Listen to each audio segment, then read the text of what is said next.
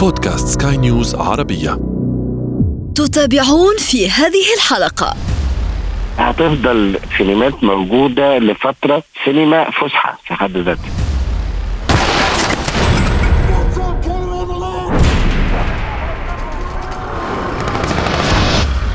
تقريبا من 2007 بلشت أول شركة اللي هي شركة نتفليكس عم تخطف الأنظار. شريط سينما. شريط السينما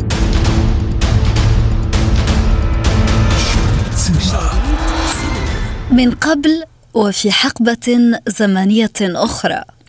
في عهد أجدادنا ربما كانت شاشة السينما البيضاء هي منبع الأحلام والخيال.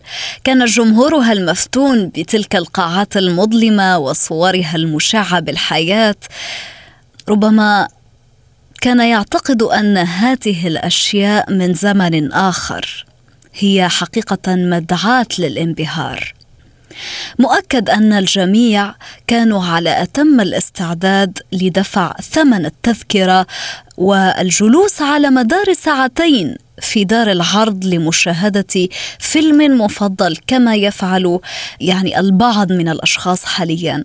الآن وفي عصر السرعة صار بإمكاننا بضغطة زر واحدة.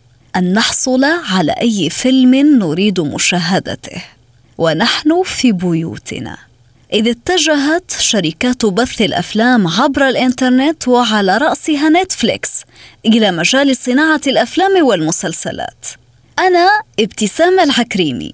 تابعوني ضمن منصة بودكاست شريط سينما على سكاي نيوز عربية للحديث عن منصات الإنتاج السينمائي عبر الإنترنت. أهلا بكم في عالم الإنتاجات الفنية.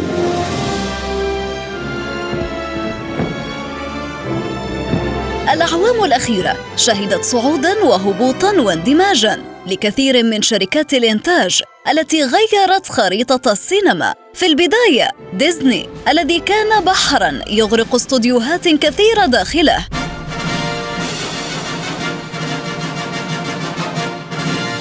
تليه شركة فوكس التي أصبحت أعلى تحقيقا للإيرادات في العام الماضي.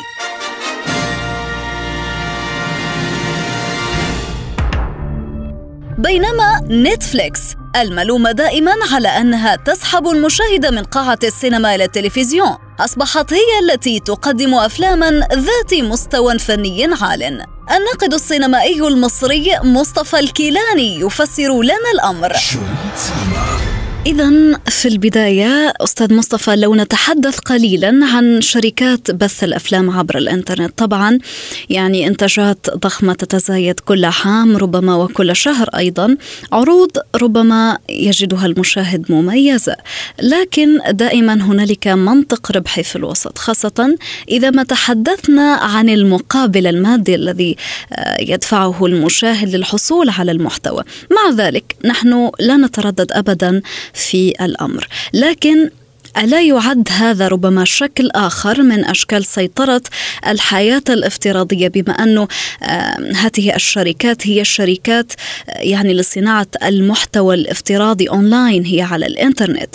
أي أنها يعني شركة افتراضية في نهاية الأمر حتى ولو ان ربما لديها وجود على الواقع.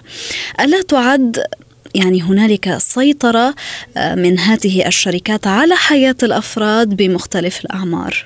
آه، من الطبيعي أن آه، نعتبر ذلك سيطرة لكن من الطبيعي أيضا أن ذلك تطور المجتمع. التكنولوجيا تتطور. الواقع يقول أن ال- الشركات الكبرى تطوي تحت جناحها الشركات الصغيرة. يعني لما شركة زي آه، آه، ديزني اشترت آه، عدد من الشركات الكبرى الأمريكية الاستديوهات الأمريكية الكبرى آه، سوني كذلك.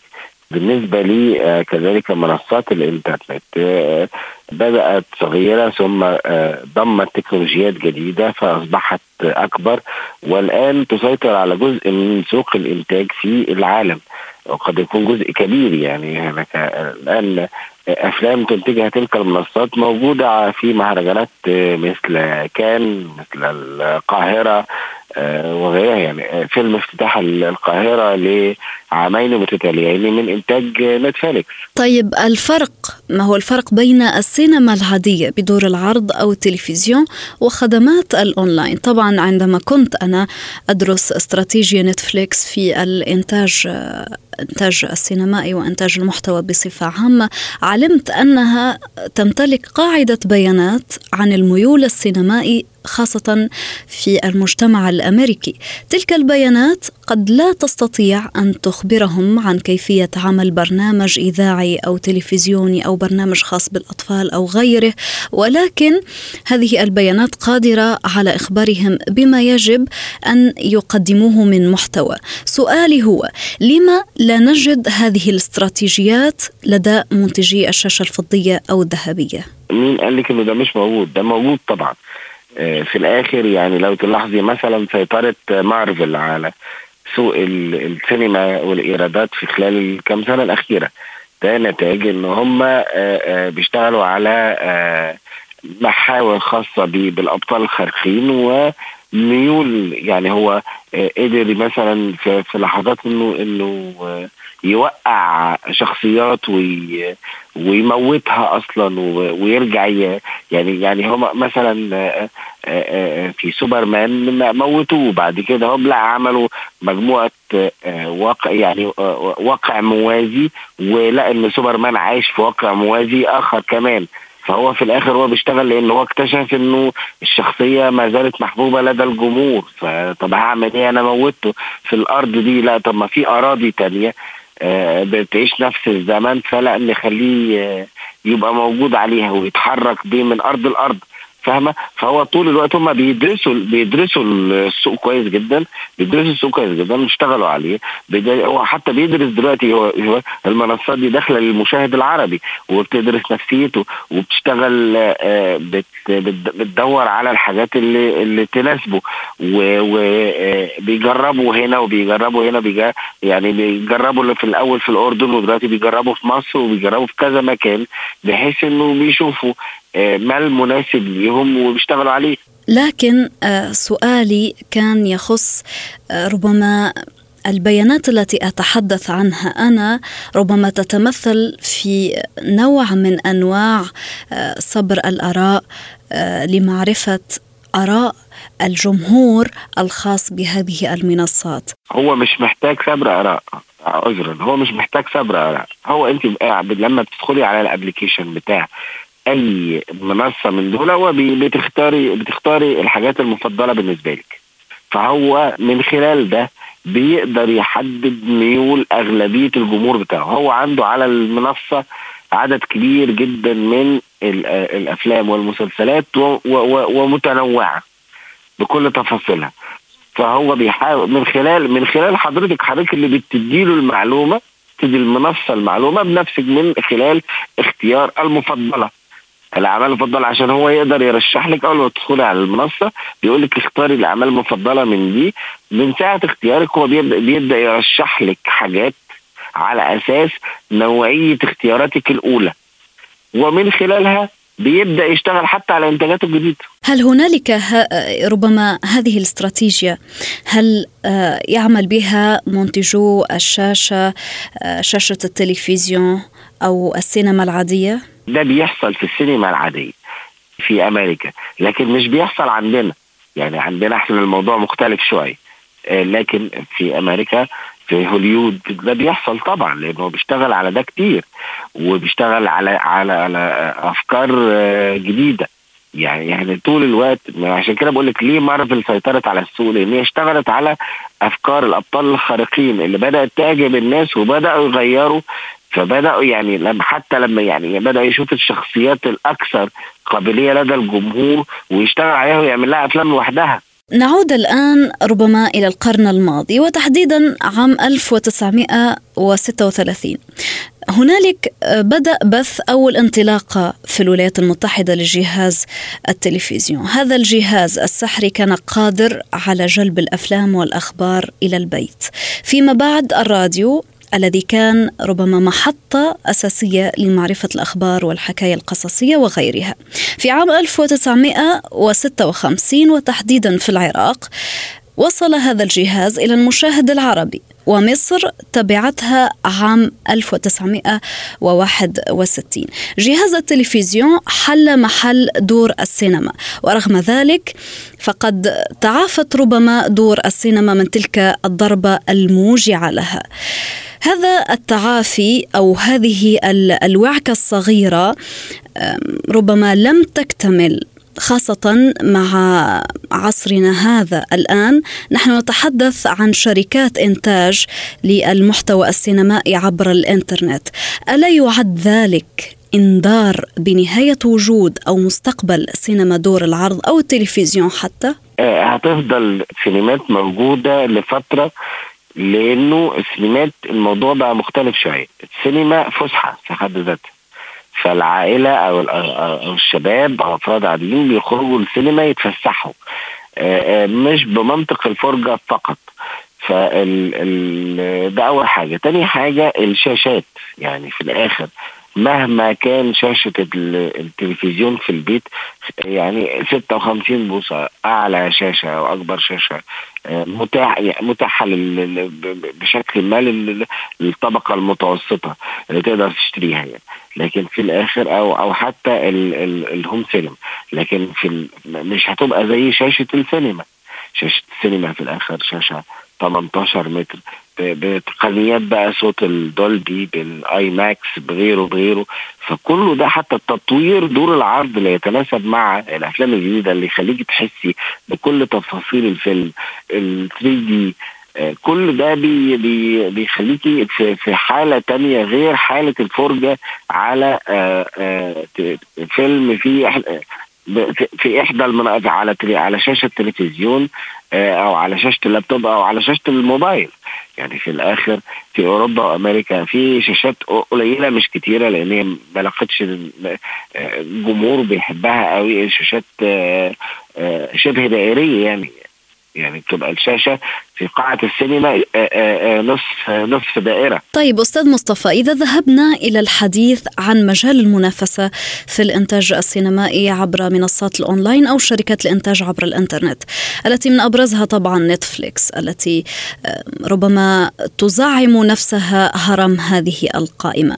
نتفليكس تقول إن سر نجاحها اليوم يكمن في سيطرتها على صناعة المحتوى. هذه الخطة ربما ستمكنها من السيطرة السيطرة أيضا على مصيرها. ولكن ماذا لو حجب منتجون آخرون، هنالك العديد من المنتجين الذين لم يقبلوا العمل مع نتفليكس، ماذا لو حجب الآن منتجون آخرون أعمالهم عن مكتبة آه، نتفليكس، ألا يعد ذلك ضربة قوية لها وخاصة أنها ربما على يد المنافسين؟ لا هو هو في حاجة مهمة.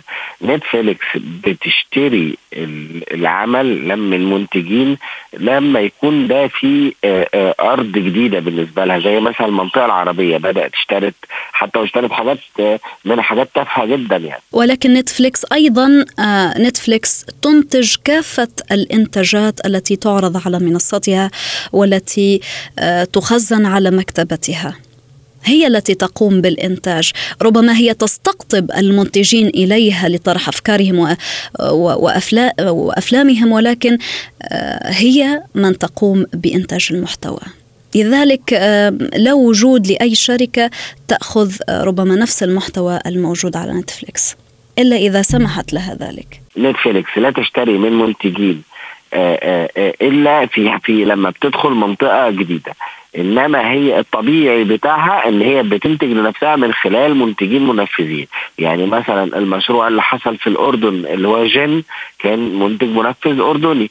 المشروع اللي الآن بيتم في في مصر آه، آه، من تأليف الكاتب الراحل الكبير أحمد خالد توفيق واخراج عمرو سلامة هو آه، عمل من خلال منتج منفذ مصري. لكن هو عمل من إنتاج نتفليكس إنها بتشرف مباشرة على الإنتاج بشكل مباشر هي بنفسها. لكن الآن هي مش محتاجة إنها تشتري من بره دعم المكتبه لم تبدأ نتفليكس في دخول ملعب تقديم أعمال أصلية. تعرض مباشرة عبر منصتها إلا عام 2013 مع مسلسل House of Cards منذ ذلك الحين لم تتوقف عن تقديم عدد ضخم من المسلسلات في كل عام لكن دخولها في مجال الأفلام الروائية الطويلة كان لاحقا. فكانت البداية مع Beasts of No Nation في عام 2015 ليصبح أول فيلم يحمل علامة نتفليكس Original التي تعني أن الفيلم يوزع بشكل حصري عبر المنصة مع عروض تجارية محدودة خاصة مع الأفلام التي ترغب نتفليكس في ترشيحها للأوسكار. تقتضي الأوسكار أن يكون الفيلم المرشح معروضا تجاريا لمدة محددة وفي صالات محددة أيضا لكن نتفليكس انتظرت أطول من هذا. لترشح أفلامها الروائية. كان أول ظهور لها مع فيلم مادباوند في المقابل أصوات كثيرة هاجمت نتفليكس واتهمتها بأنها تضر السينما إذ لا تسمح لأفلامها إلا بعروض محدودة في قاعات العرض. آليات كثيرة سيطرت من خلالها هذه الشركة على عقول المشاهدين. ممثل قطاع الاتصالات وتكنولوجيا المعلومات الأردني هيثم الرواجب يفسر لنا ذلك. أستاذ هيثم أنت تعلم الآليات التي آه، ربما تشتغل بها منصات الأونلاين الخاصة بإنتاج المحتوى. لو تحدثنا عن آه، هذه الآليات التي آه، من من خلالها بإمكان شركات بث الأفلام عبر الإنترنت أن تسيطر على ربما علي أنا كمتقبل. اليوم إحنا بنعرف يعني تقريبا من 2007 آه، بلشت آه، أول شركة اللي هي شركة نتفليكس عم تخطف الأنظار. آه، لما قررت بث الأفلام عن طريق الإنترنت ب 2007 بدل من إرسالها على الدي في دي اليوم أغلب الشركات شركات كثيرة صارت عم بتحاول تبث الأفلام عن طريق الإنترنت. والمنافسة اليوم صارت ب 2020 شرسة جدا ما بين هذه الشركات.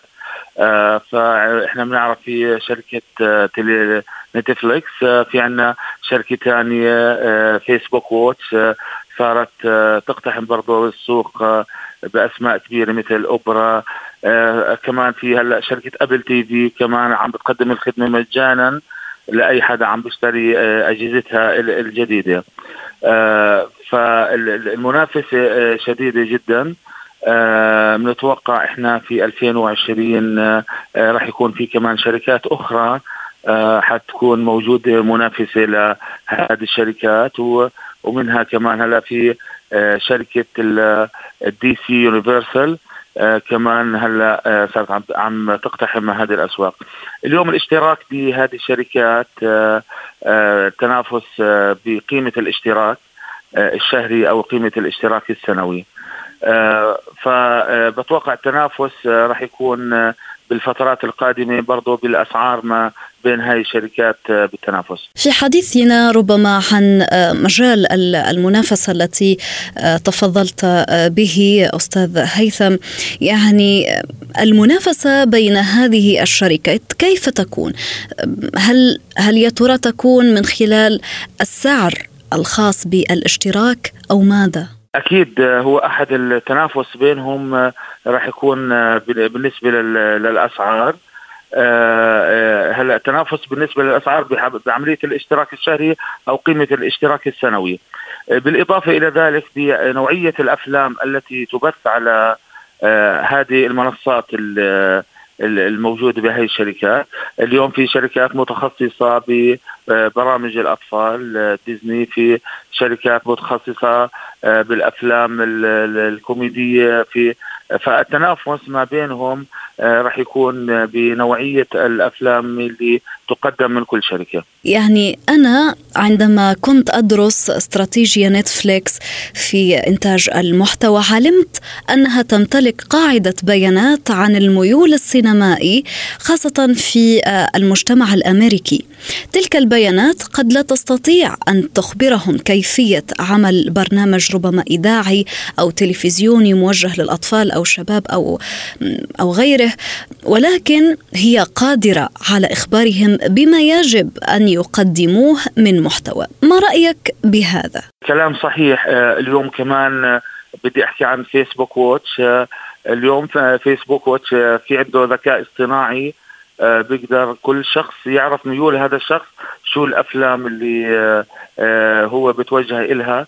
وحتى بتكون مثل هيك شركة عم تعتمد على الإعلانات. ممكن يكون المشاهدة تكون مجانية عندها. وتعتمد تكاليف تكاليف وهذا الذكاء الاصطناعي آه، بيخلي آه، هذه الشركة تحدد ميول آه، كل شخص بالأفلام اللي اللي هو بحب إنه يحضرها. نتحدث الآن ربما عن أبرز التحديات التي قد تعترض مثل هذه الشركات وخاصة منها يعني شركة نتفليكس. هنالك ربما بعض المواقع الإلكترونية المجانية ألا يشكل أو ألا تشكل مثل هذه المواقع ربما منافس شرس للمواقع التي تستخدم المقابل المادي أو الاشتراك أو ما إلى غير ذلك؟ صراحة هي آه، بتنافس آه، هذه المواقع اللي بتبث مجانا لكن هذه المواقع اللي, اللي بتبث آه، تقنية الواقع الافتراضي اللي بتبثها الشركات زي نتفليكس والشركات اللي ذكرناها آه، بطريقة بتكون مختلفة تماما. آه، طريقه آه، من نوعية الجودة للتصوير من نوعية بث طريقة بث الأفلام. فهذه تحديات أكيد موجودة بتواجه هذه الشركات. اليوم إحنا أتوقع إحنا دور الحكومات في في كل العالم يكون دور مهم إنه يتابعوا هذه يكون يعني يكون في لهم دور كبير في متابعة هذه الشركات اللي بتبث آه، مجانا وما بكون ممكن مكان مرات ما يكونش لها مصادر آه، مش معروف وين مصادرها. فتحديات كبيرة بتواجه. آه، اثنين التحديات اللي بتواجه كمان إنه في بعض الأفلام بتكون حديثة فبكون دور السينما الفيزيكال بكون لها الأولوية إنه تعرض هذا الفيلم.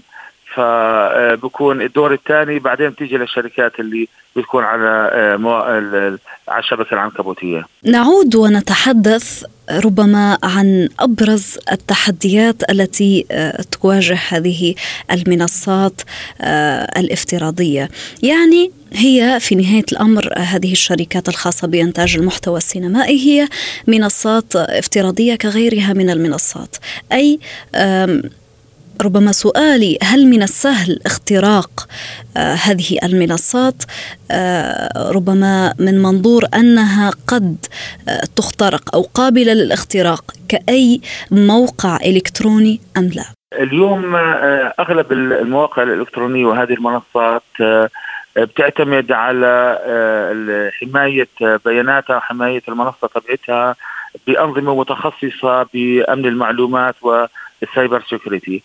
آه، دائما آه، التطور في هذا المجال آه، بالعالم تطور كبير. وبتوقع بالفترة هاي الاختراق إلها صعب جدا لوجود أمن وحماية لهذه المنصات العالمية. حسب نوع المنصة لأنه المنصات اللي ذكرنا أسمائها المنصات الكبيرة اليوم اختراقها كثير صعب لكن المنصات الافتراضية الثانية اللي حكينا عنها اللي بتبث هذه أتوقع بتكون آه، نسبة اختراقها أسرع من أو قوي كثير مقارنة بالشركات العالمية اللي بيكون لها منصة إلكترونية خاصة آه، بالنشر. آه، اليوم هذا التكنولوجيا الجديدة بال cyber security وأمن المعلومات عم بتحدث بشكل كبير وأغلب الشركات ال IT عم تتوجه للعمل بهذا لأنه أغلب المنصات الموجودة اليوم بالعالم بحاجة ماسة جدا لأمن وحماية لهي المعلومات اللي عندها. فاختراقها أتوقع بالفترة الحالية صعب للتطور الهائل اللي صار في أمن المعلومات. تصاعد الأمر بعد ذلك. خاصة برفض مهرجان كان لأفلام نتفليكس في المسابقة الرسمية لأنها لم تسمح بالعروض التجارية للأفلام بفرنسا. لكن جاء فيلم روما لألفونسو كوارون.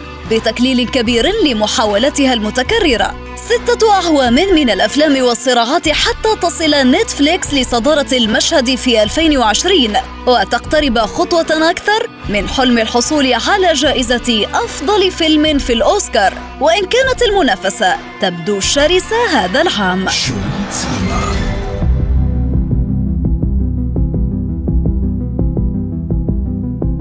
في ختام حلقتنا من شريط سينما ضمن منصة بودكاست سكاي نيوز عربية نذكركم بمتابعتنا والاستماع لنا عبر تحميل منصاتنا المختلفة من البودكاست التي تجدونها على أبل ستور وجوجل بلاي كنت معكم في التقديم أنا ابتسام العكريمي وأخرج هذه الحلقة نويل بولوس.